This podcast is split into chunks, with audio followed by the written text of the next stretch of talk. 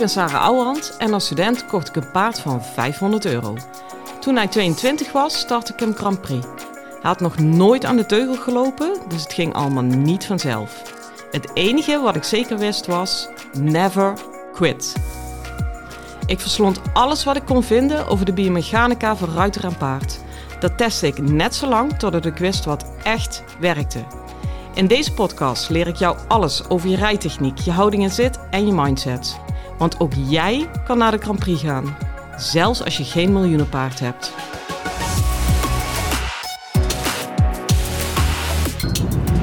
Hi lieve paardenmensen. Nou, ik heb uh, vakantie en ben dus op weg naar een clinic.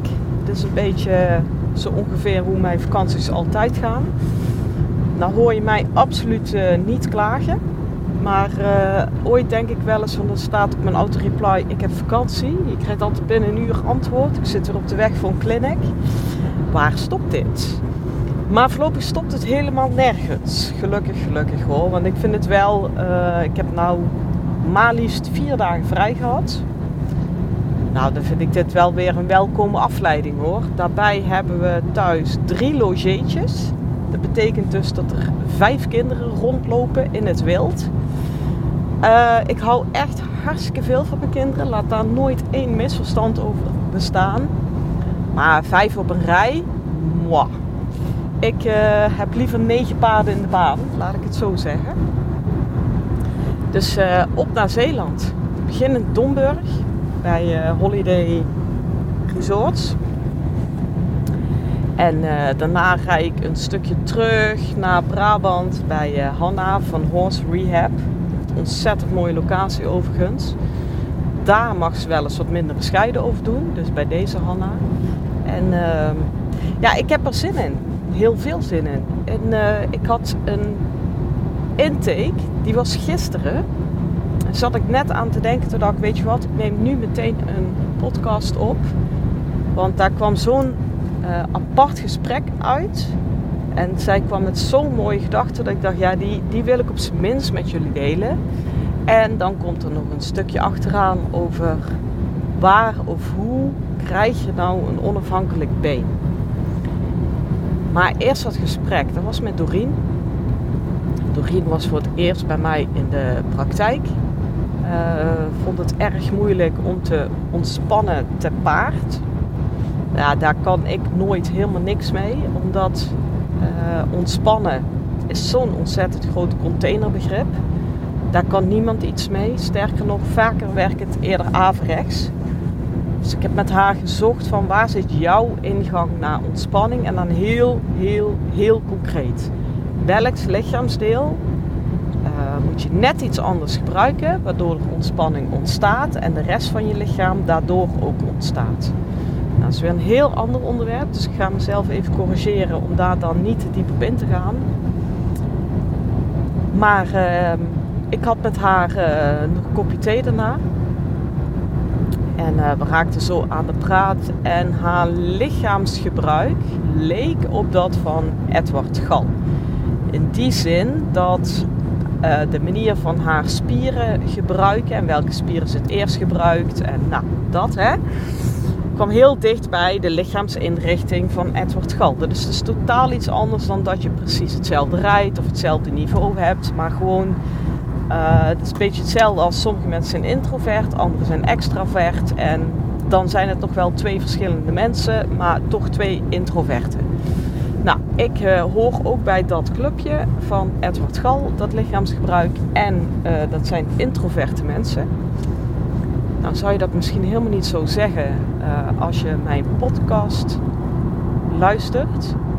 Dan moet ik wel zeggen dat ik bovengemiddeld veel deel in deze podcast.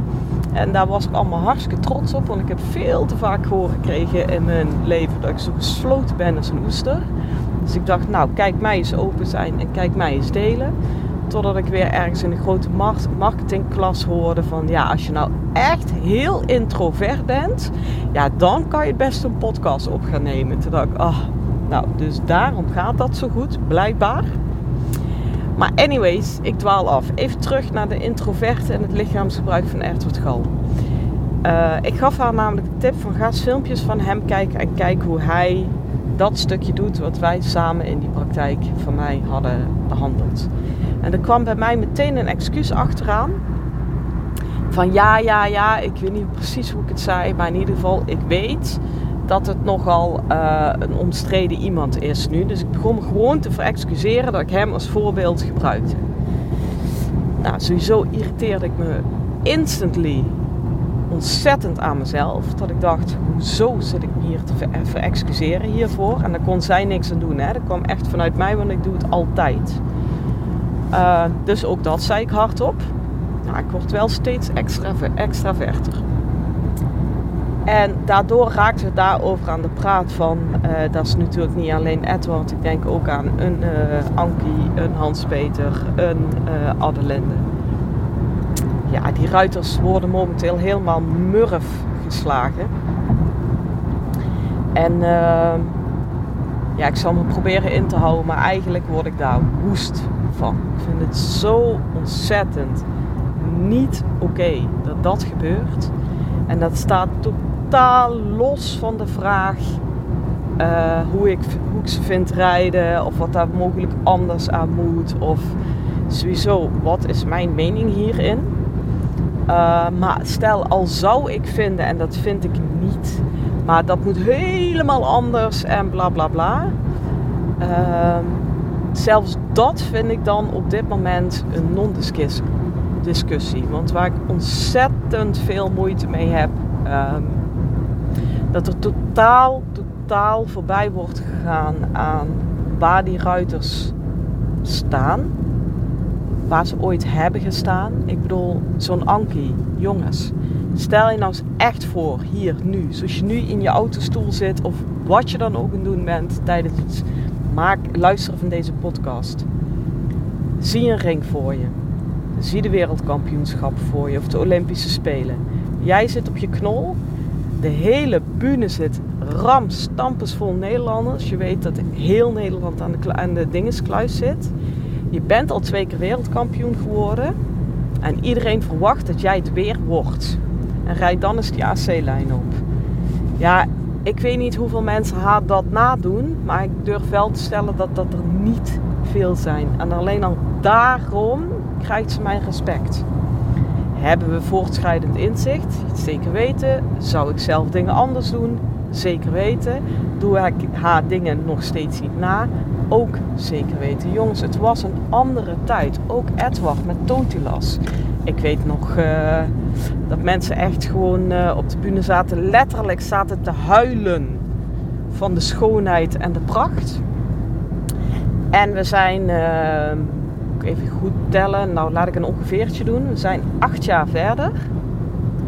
En die beste man is van Facebook af. Omdat het gewoon niet meer ging op Facebook qua reacties. Ja, dat kan toch niet, hè? Um, want, en nou, ik wil te veel zeggen. Ik ga hem een beetje, want ik wil de podcast ook niet te negatief maken. Maar ik wil wel een keer mijn punt hebben gemaakt. Maar wat Doreen gisteren zei, en die vond ik zo gruwelijk mooi, dus dan dacht ik, aha, daar begin ik er toch even over. Die zei, uh, weet je, sowieso als je vroeger hebt geklapt en gejuicht, en dat is het gros van degenen die nu, nu lopen te janken builen erover, dan verloochen je die ruiters met terugwerkende kracht. Um, maar weet je wat nog veel belangrijker is? Je verloochent jezelf. Want jij hebt ooit dit als inspiratie gezien en helemaal, oh, zo daarna gekeken. Dat is echt een stukje van jezelf. Dus een stukje dat je toch bewust of onbewust mee hebt genomen in je rijden. In ieder geval in de beleving van de sport.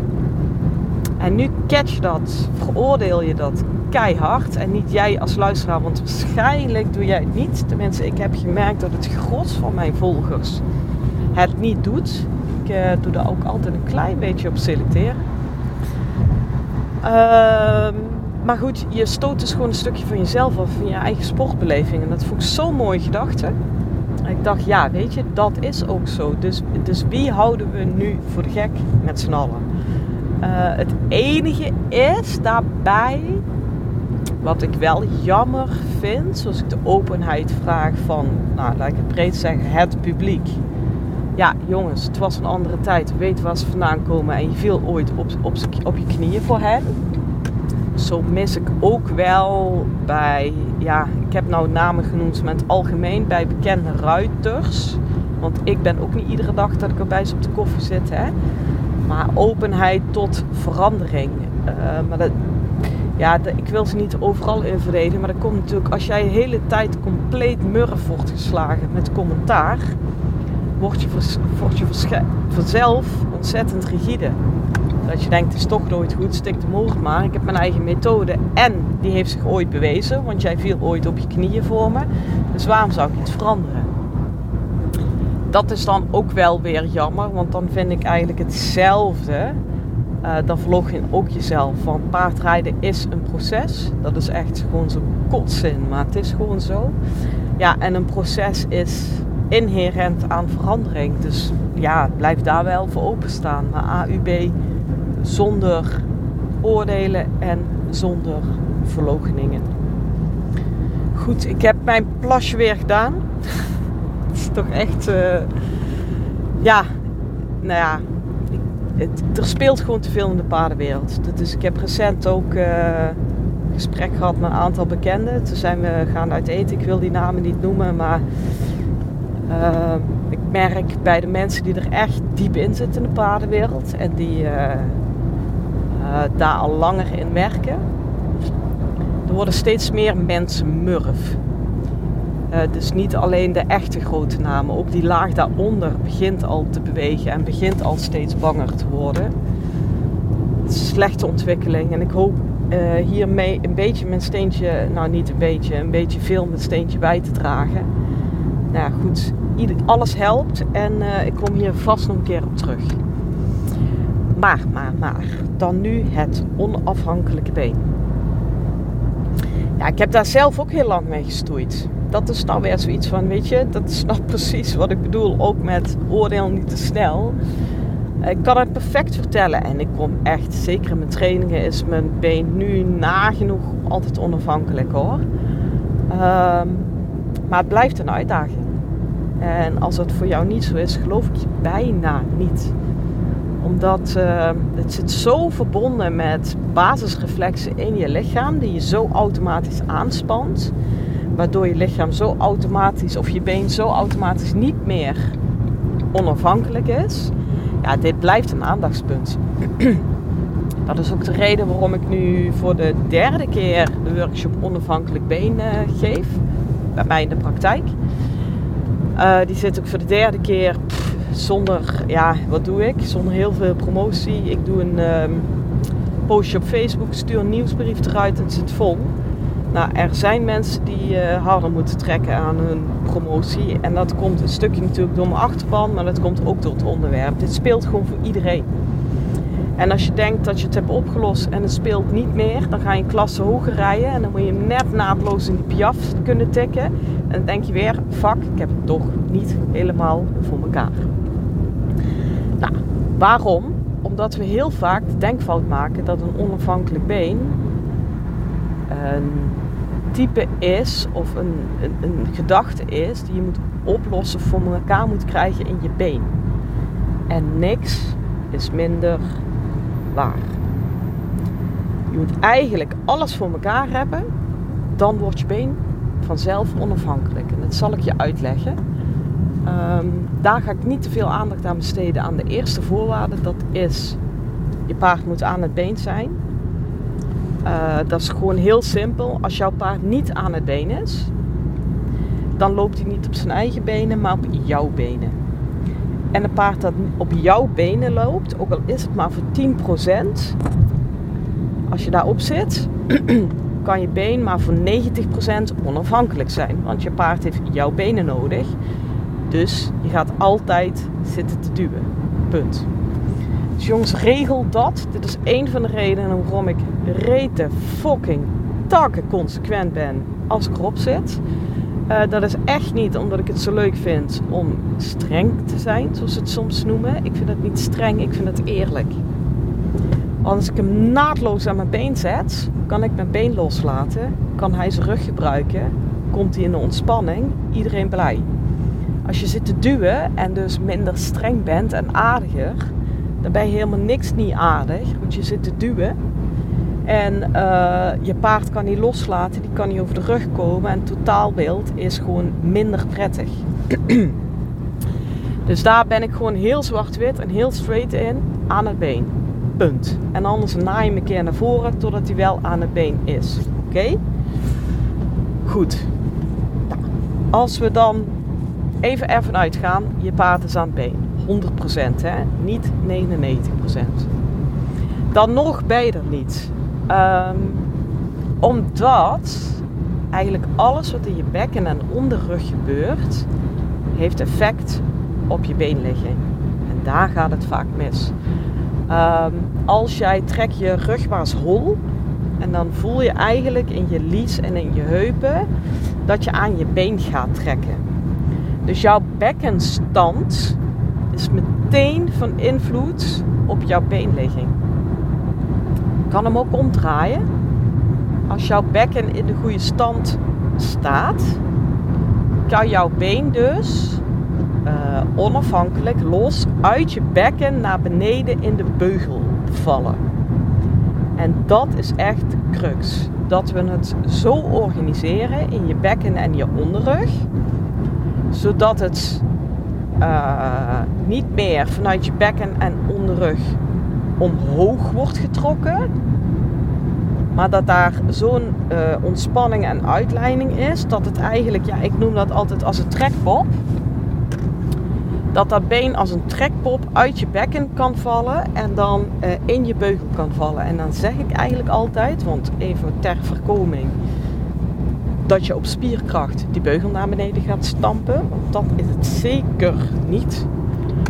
Uh, de ideale wereld is dat het gewicht van je been in de beugel valt. Dus eigenlijk laat je de zwaartekracht voor je werken.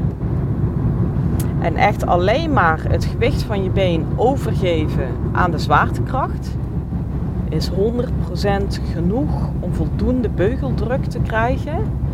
Zonder dat je de beugel omlaag trapt en dus zonder dat je de gewrichten in je been blokkeert. Ja, dat is al een, ook al een vereiste om een onafhankelijk been te hebben.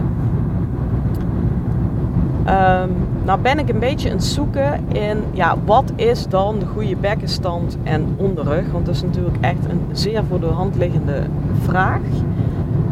Um, ik kan dat in deze podcast niet waterdicht uitleggen. Dat, dat kan ik meteen al zeggen. Omdat het, uh, ja, je moet dit voelen. Zoals zoveel met mijn werk, je moet het voelen. Ik kan wel wat voorbeeld geven. Dat is bijvoorbeeld de uitleiding op je zitbeenbotjes de ideale wereld is dat je erop zit. Dat weet iedereen, hè? Wat dan gebeurt, is je moet het eigenlijk zien dat die zitbeenbotjes twee steunpunten van je rug, van je romp zijn. Dus op het moment dat je daarop zit, wordt je rug, je romp volledig ondersteund.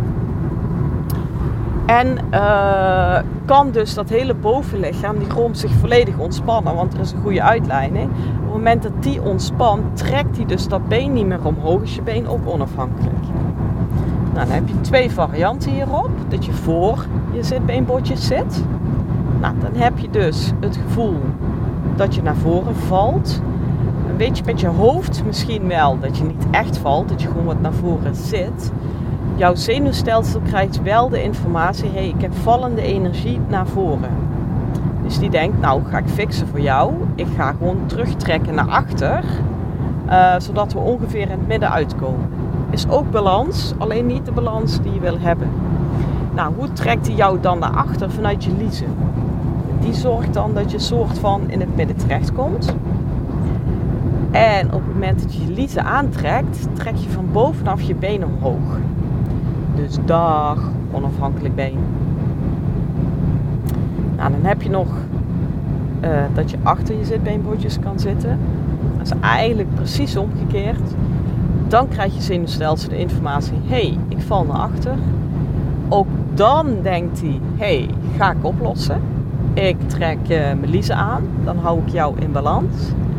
Dan trek je dat been naar voren toe omhoog. En dat heet dan stoelzit. Dat is wel een hele duidelijke. Nou, ook daar ben je je onafhankelijke been kwijt. En dan heb ik het alleen nog maar over de uitleiding op je zitbeenbotjes. Uh, daar speelt nog heel veel meer een rol. En het is vooral belangrijk dat je been gaat geven. Ja, dit, dit is ook weer een beetje. Ik ben een beetje het zoeken zodat je het goed kan voelen. Maar dat je been gaat geven vanuit je zitbeenbotje.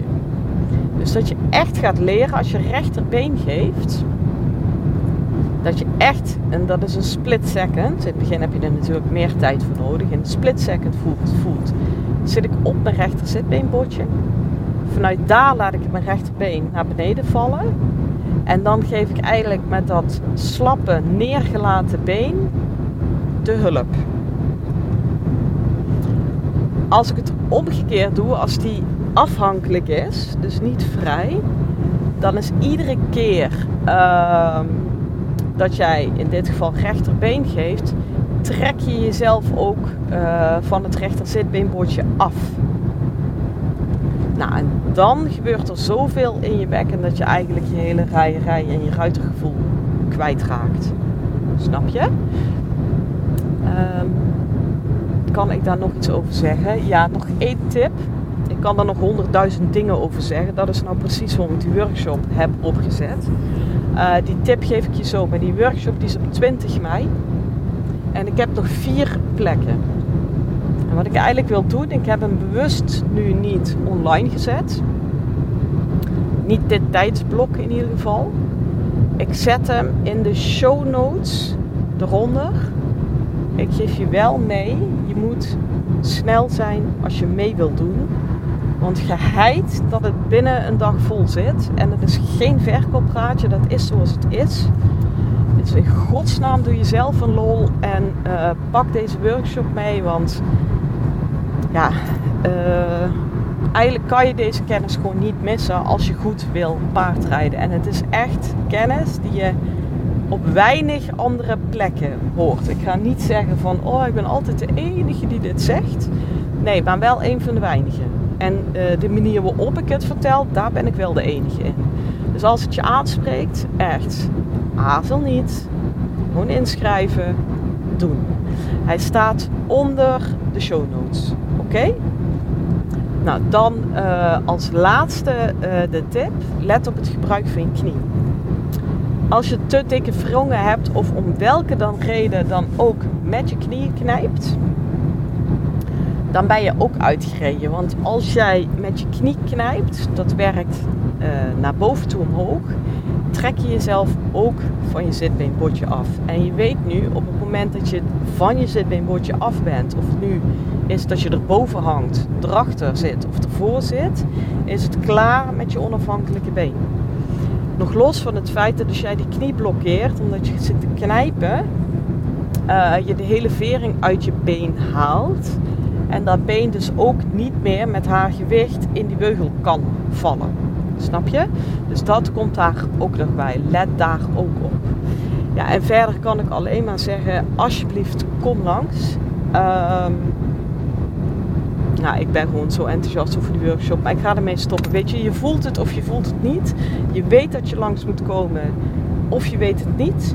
Ik zie je in ieder geval heel graag tegemoet. En voor nu wens ik je een hele fijne dag en veel plezier met je paard. Hoi! Lieve ruiters, dit was hem weer voor vandaag. Waardeer je mijn tips? Geef me sterren op Spotify en iTunes. Dat voelt voor mij als een dankjewel. En geef je paard een knuffel van me.